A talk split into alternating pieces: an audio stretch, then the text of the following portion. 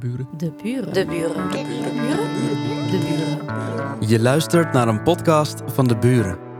Vlaams-Nederlands Huis voor Cultuur en Debat. Lieve mensen, dit is Suzanne, Suzanne Roes, een filosofe. Maar ik wil toch nog even schetsen dat ze niet alleen hier stond, maar dat ze ook spreekt, leest, schrijft en zingt. Maar ook zichzelf heel hard afvraagt wie wanneer het woord mag nemen. En de onderwerpen waar ze die vraag op loslaat, zijn vaak uit het leven gegrepen. En zo gaat er academisch onderzoek over arrogantie. En komt in december haar boek uit over de politiek en vruchtbaarheid.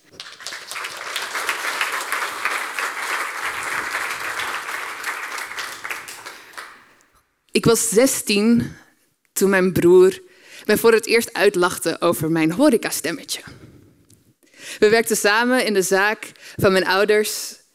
En aan tafel zag de jongen die mij al mijn hele leven kende, mij veranderen in een totaal ander persoon. Glimlach op, stem omhoog, klein, maar toch beschikbaar. Maar zo werden de gasten niet boos. En in het beste geval waren de fooien hoog. Nu sta ik hier. Klaargestoomd met een intensief programma voor jonge sprekers. Glimlach op, want zo word je als vrouw niet te hard en niet te koud ervaren.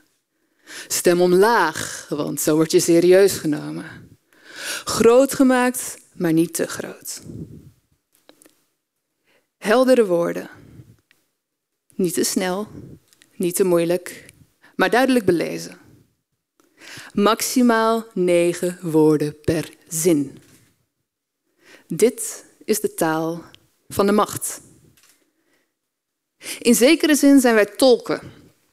Soms meertalige tolken, maar soms eentalige tolken. We leren om de dingen die we willen zeggen te vertalen naar wat jullie willen horen. En dat is het verschil tussen verspilde aandacht of een goed verhaal. Degenen die ons het meest dringend moeten horen zijn meestal de mensen die over ons beslissen. En toen ik jong was, was dat mijn vader. Toen ik begon te werken, was dat mijn baas en de gasten. En nu ik hier sta, zijn er de mensen die mijn woorden tot leven kunnen laten komen.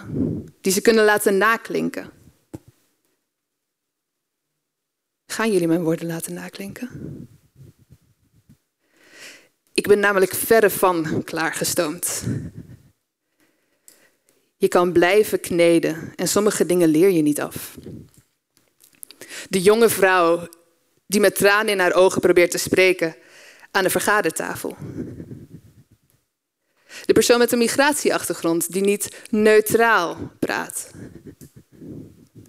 Het kleine kind dat iets heel serieus probeert te zeggen en wordt ontvangen door volwassenen met een lachsalvo. Zij spreken niet de juiste taal om echt gehoord te worden. Sommigen voor even, sommigen voor altijd. Maar als je buiten de taal staat, kan er ook iets bijzonders gebeuren. Buiten de taal van de macht om.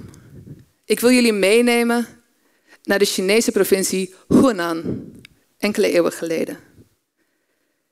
In het China van toen werd, net als hier, alleen onderwijs aan mannen verschaft.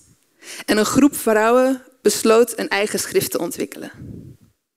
Dat schrift ging gepaard met zang en rituelen. En al snel werd Nüshu, zoals deze taal heette, een centrale rol in de lokale vrouwencultuur. Als zij in het huwelijk trad, moest een vrouw verhuizen naar de nieuwe familie, de familie van haar man. Afscheid betekende dat. Afscheid van familie, van vrienden, van het dorp waar ze opgroeide. En met dat afscheid gaven gezworen zusters een in Nushu geschreven boek met steun en advies voor het huwelijksleven. Nushu werd een plek voor verdriet en troost. Het werd de enige plek waar een vrouw een geheim kon bewaren. Zo is er een bedspreid teruggevonden van een vrouw die haar lot borduurde en schreef hoe ze haar man haatte, haar verre geliefde miste. Een eeuw geleden kantelde de Chinese samenleving. Vrouwen waren voortaan gelijk. Of in de mooie woorden van Mao Zedong, vrouwen houden de helft van de hemel omhoog. Emancipatie betekende deelnemen. Deelnemen aan de dingen die de samenleving al belangrijk vond.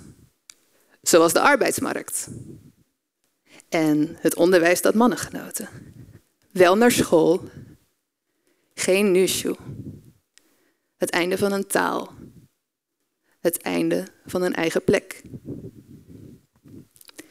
Emancipatie kan verdacht veel op assimilatie lijken.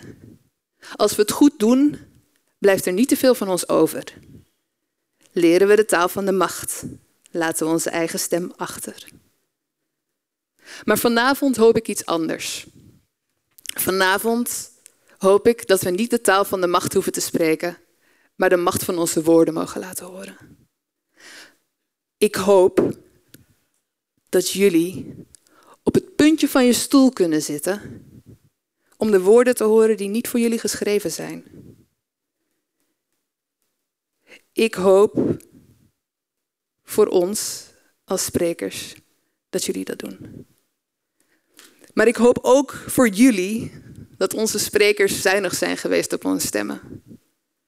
Want deze stemmen zijn het horen waard. Ik hoop dat we jullie een nieuw geluid kunnen brengen. Want dat is de macht van taal. Dank u wel.